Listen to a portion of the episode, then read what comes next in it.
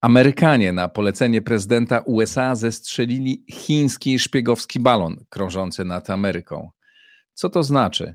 Jak bardzo może to wzmocnić napięcia amerykańsko-chińskie? O tym dzisiaj w Układzie Otwartym. Bardzo dziękuję wszystkim patronom, dzięki którym mogę realizować te programy. Kto z Państwa chciałby dołączyć do grona patronów, zapraszam serdecznie na mój profil w serwisie patronite.pl. Dziękuję też mecenasom. Jeśli macie Państwo firmę i chcielibyście zostać mecenasem Układu Otwartego, serdecznie zapraszam. A oto mecenasi Układu Otwartego. Firma DevTalent, budująca zespoły programistyczne dla klientów z branży finansowej i cyberbezpieczeństwa.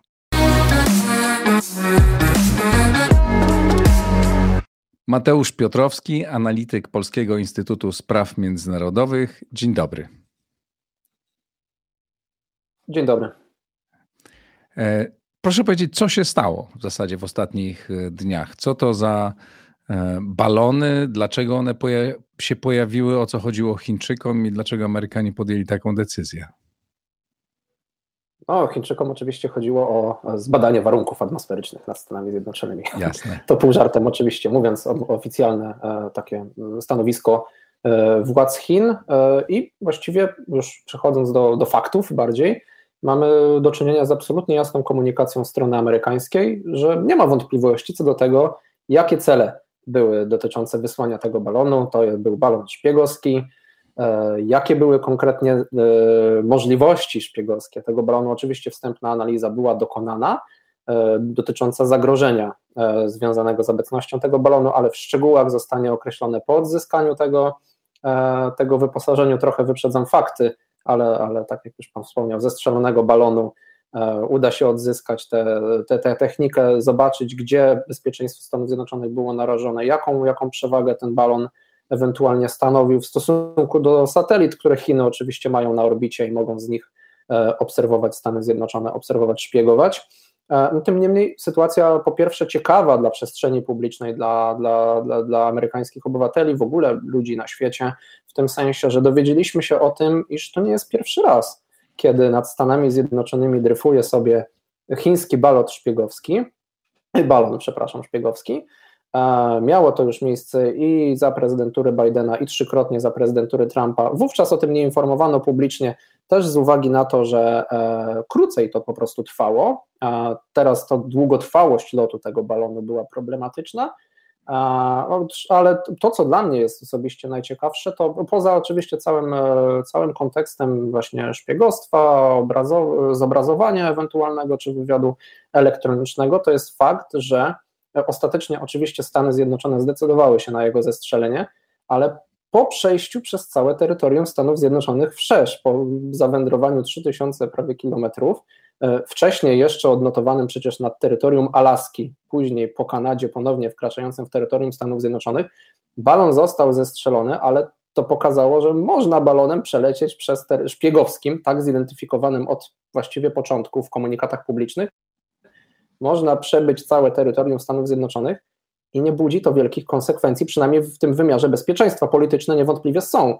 ale jednak to, co zostało wysłane, zostało już wysłane. Jest jakaś, jakaś strata z tym związana. A jak długo ten balon leciał?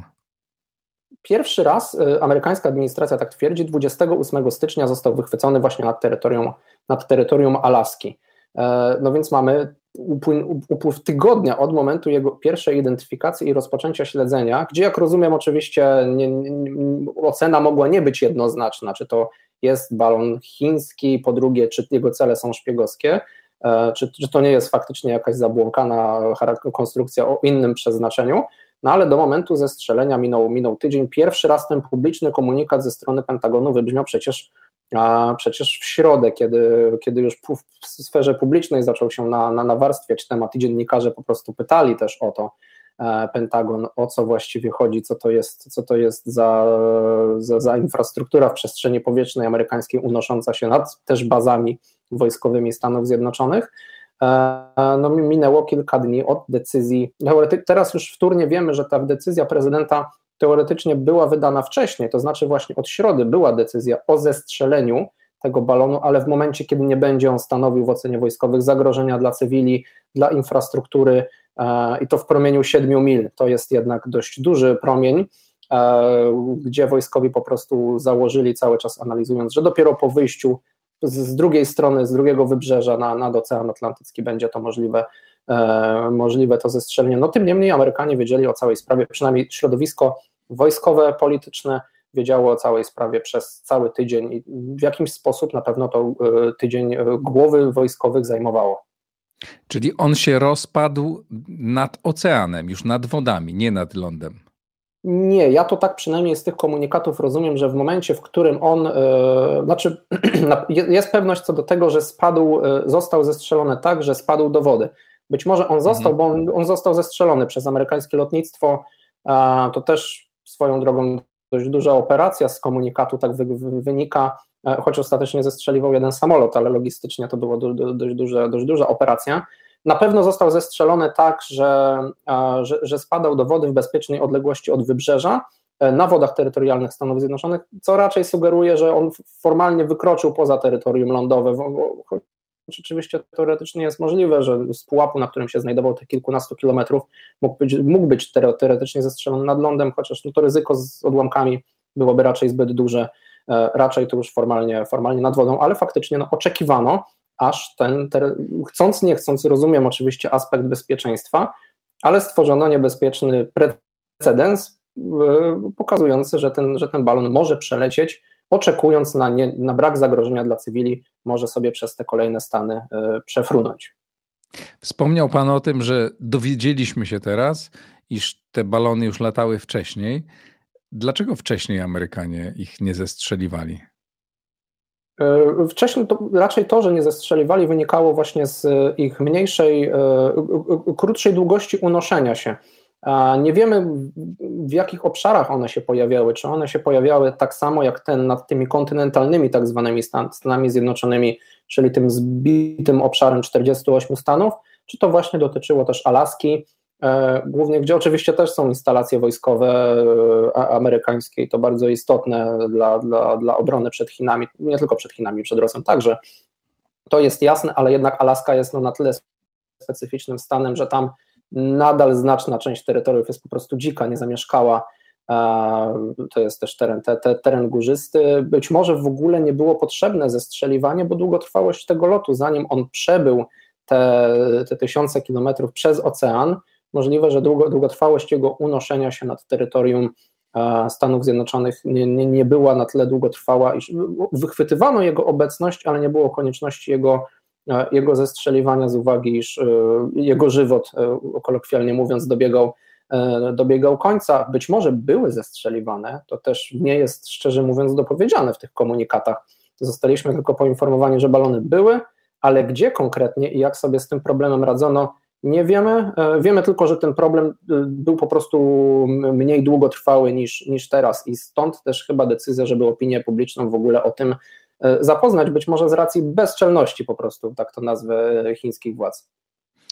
Rozumiem, że ten, że nie zestrzeliwano go wcześniej, żeby nie spadł na jakieś terytoria, gdzie mieszkają ludzie, czy jest jakaś infrastruktura amerykańska. Czekano przez tydzień, aż przyleci nad wodę no ale domyślam się, że ten, e, że ten obiekt, nie, ten balon nie, e, nie czekał na to, aż wróci do Chin i przekaże twardy dysk z nagrań, tylko e, na żywo przekazywał informacje do swojej bazy, gdziekolwiek ona jest. I jak rozumiem, dziennie przeleciał przez całe Stany Zjednoczone, to tych danych nazbierał sporo i przekazał Chińczykom sporo.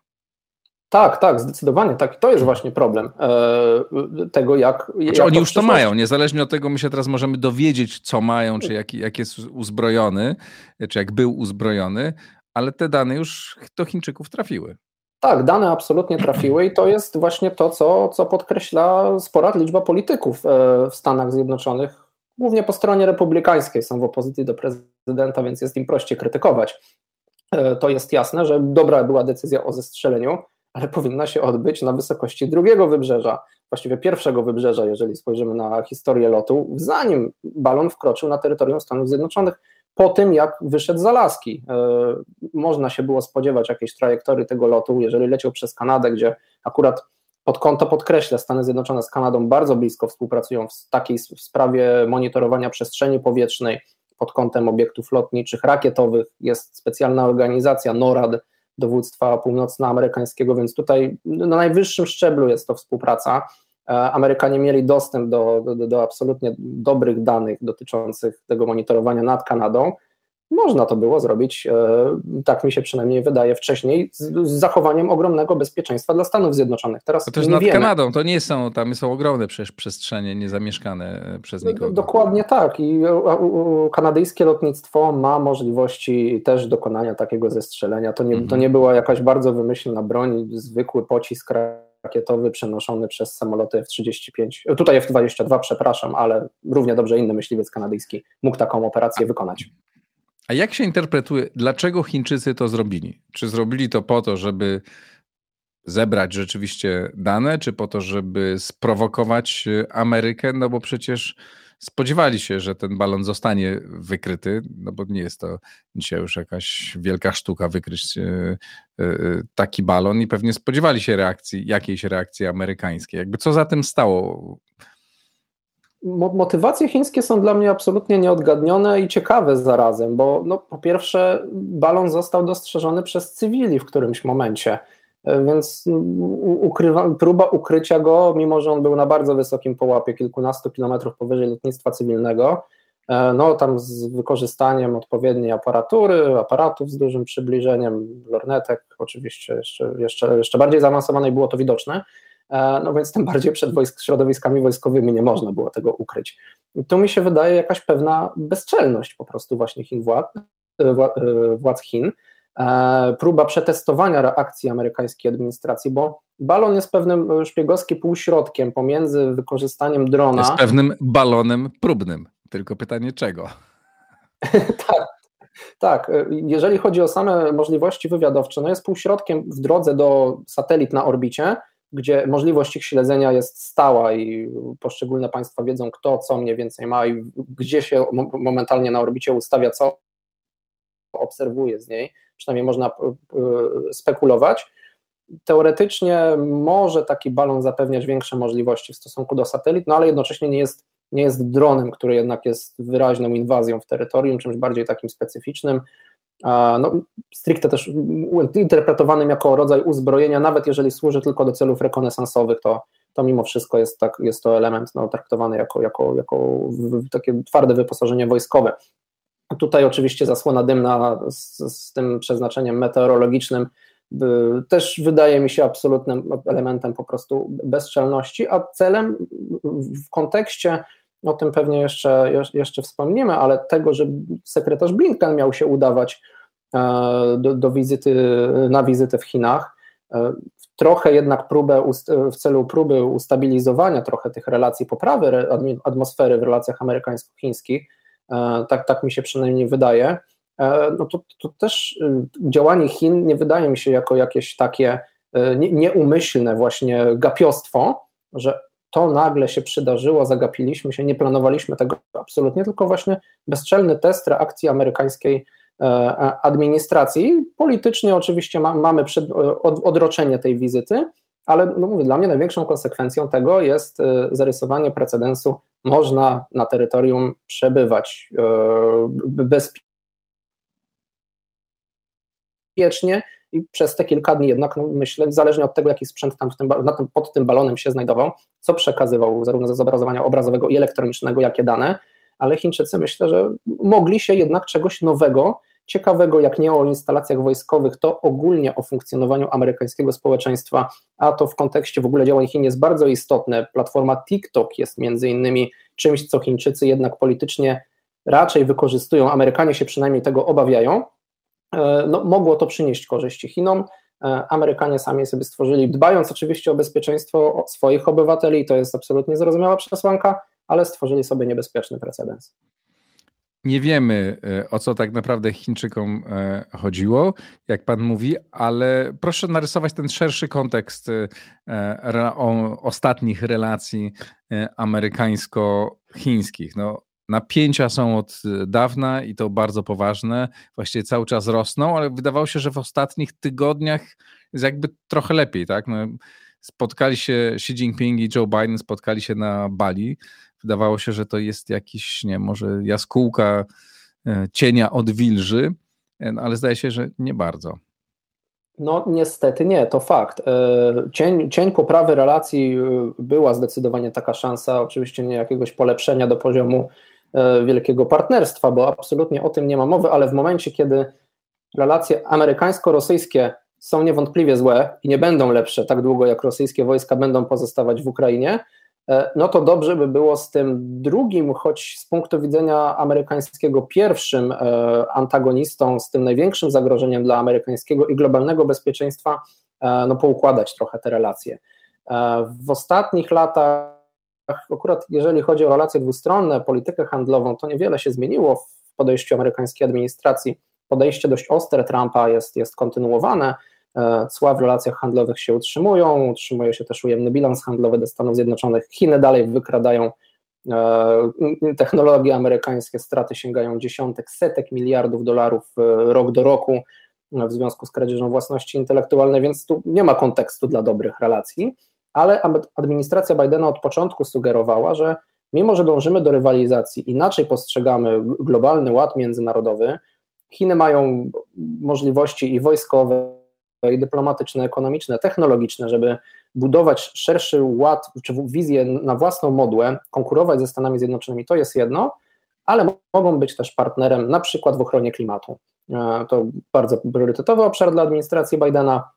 Chiny tutaj mają, mają kluczowe znaczenie. Chiny oczywiście mówią, że e, no, nie ma możliwości o współpracy, jeżeli Amerykanie będą zwracać uwagę na kwestie przestrzegania praw człowieka, które są kwestią wewnętrzną Chin, E, będą wspierać Tajwan, który jest integralną częścią Chin, a nie żadnym niezależnym podmiotem. I oczywiście upominają, że Stany Zjednoczone powinny nadal przestrzegać polityki jednej Chin, choć teoretycznie nigdy od niej nie odeszły, tak, tak sygnalizuje amerykańska administracja. No, tym niemniej te relacje faktycznie w ostatnich, e, no, w trakcie prezydentury Bidena, nie chcę mówić, że ulegały pogorszeniu, ale napięcie rosły.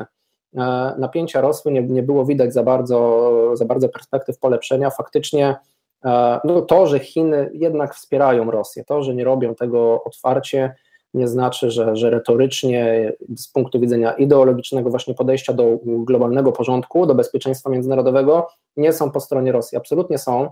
E, I tu też jest rola Stanów Zjednoczonych, żeby e, no, przekonywać Chiny do ograniczania przynajmniej tego poparcia. Przecież nie odwiodą Chin od, od, od, od grania do jednej bramki z Rosją, ale przynajmniej nie udzielania wsparcia wojskowego E, pokazania być może pewnych elementów prawa międzynarodowego, które absolutnie Chinom nie sprzyjają, jak na przykład oderwanie przez Rosję Krymu od Ukrainy. Jak to się ma do, do Tajwanu, tak? to, to, to jest absolutnie rzecz, której Chiny by sobie nie życzyły, by inne państwo wyrwało im Tajwan, czy Tajwan ogłosił swoją niepodległość, tak jak teoretycznie zrobił Krym e, przed, przed zajęciem przez Rosjan.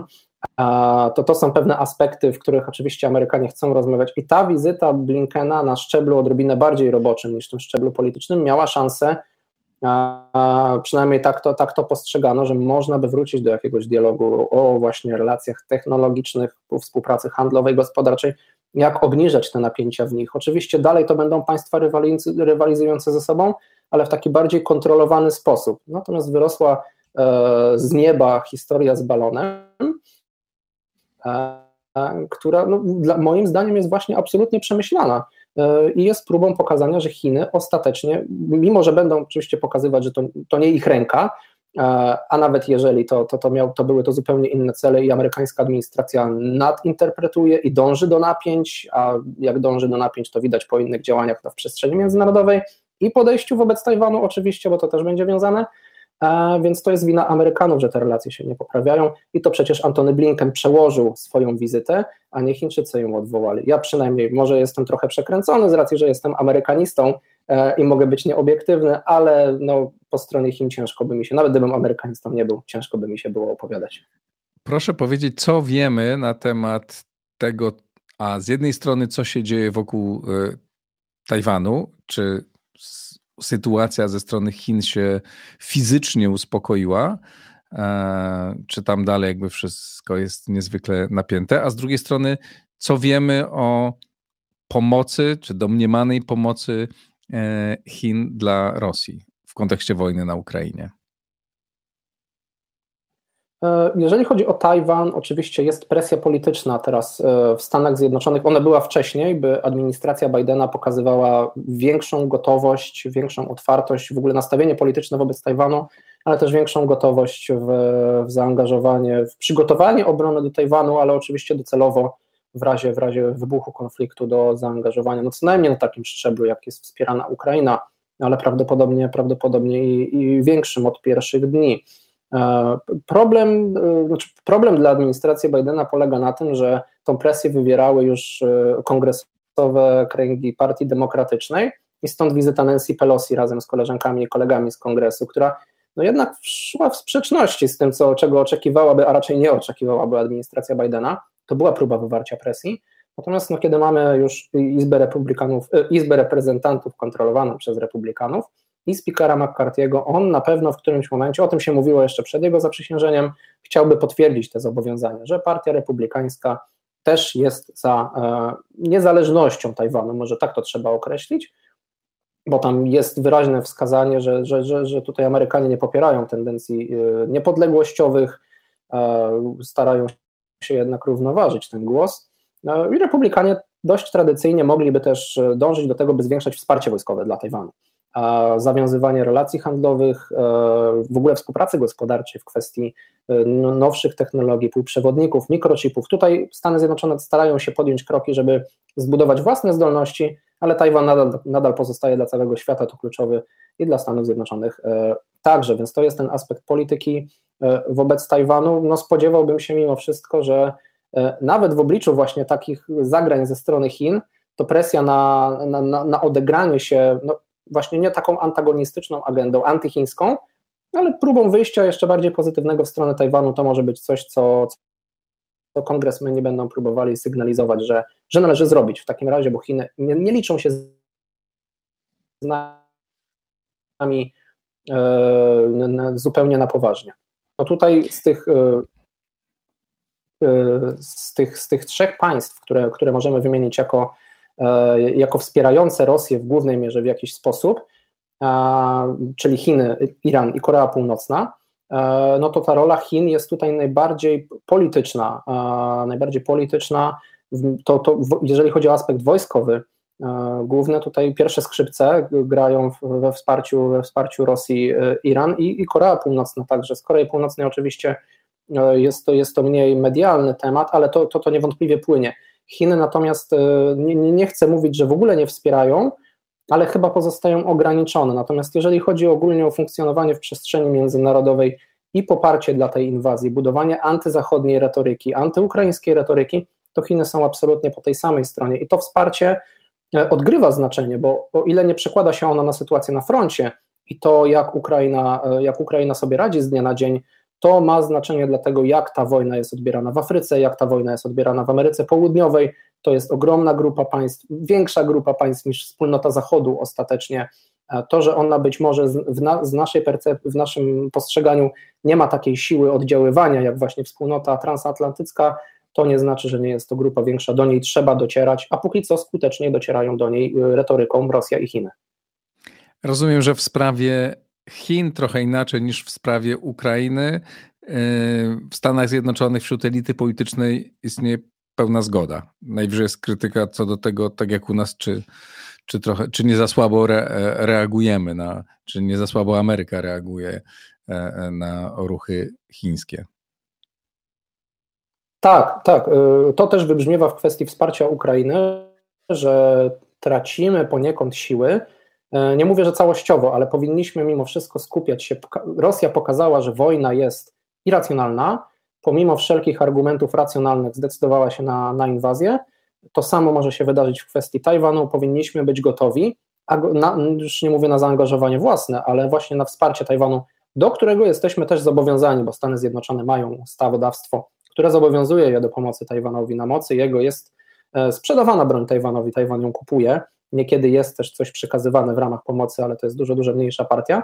Ale problem z tym jest, bo nawet w ramach kontaktów zbrojeniowych Stany Zjednoczone zalegają z dostarczeniem, czasowo zalegają z dostarczeniem e, broni Tajwanowi. To są oczywiście systemy, które są produkowane na potrzeby Tajwanu, to nie jest przekazywane z własnego stanu magazynowego, ale jest problem i są to też rodzaje uzbrojenia, które są teraz transferowane na Ukrainę, więc przemysł amerykański zbrojeniowy będzie sobie musiał poradzić po pierwsze z wyzwaniem utrzymania pomocy Ukrainie, ale też uzupełnienia własnych stanów magazynowych już nadwyrężonych, do, do, dostarczenia Tajwanowi tego, co dotychczas e, obiecano i co jeszcze może zostać zakupione bądź przekazane, ale w ogóle przyszykowania się też ewentualnie do tego, że może, może dojść do, to jest przecież realna alternatywa, może realny scenariusz, może nie, nie bardzo realny, każdy jednak chce żyć w czasach, czasach pokoju, ale na to się Stany Zjednoczone i Tajwan szykują, że do tego może dojść, powinny być od strony E, zaopatrzenia od strony nastawienia sektora zbrojeniowego też gotowe do tego, że być może to jest chyba najbardziej, e, może nie czarny scenariusz, ale taki pesymistyczny dla sektora zbrojeniowego. Trzeba będzie dozbrajać w tym samym czasie i Ukrainę, i Tajwan, a nadal mówimy o utrzymaniu wysokich własnych zdolności zaangażowania. Ogromne wyzwanie dla amerykańskiej polityki. Mateusz Piotrowski, Polski Instytut Spraw Międzynarodowych. Bardzo panu dziękuję. Dziękuję uprzejmie. Dziękuję Państwu. To wszystko dzisiaj. E, napiszcie, co sądzicie, komentujcie, subskrybujcie Układ Otwarty i wspierajcie na patronite.pl, a najważniejsze, słuchajcie i oglądajcie. Dziękuję bardzo, to wszystko, pozdrawiam.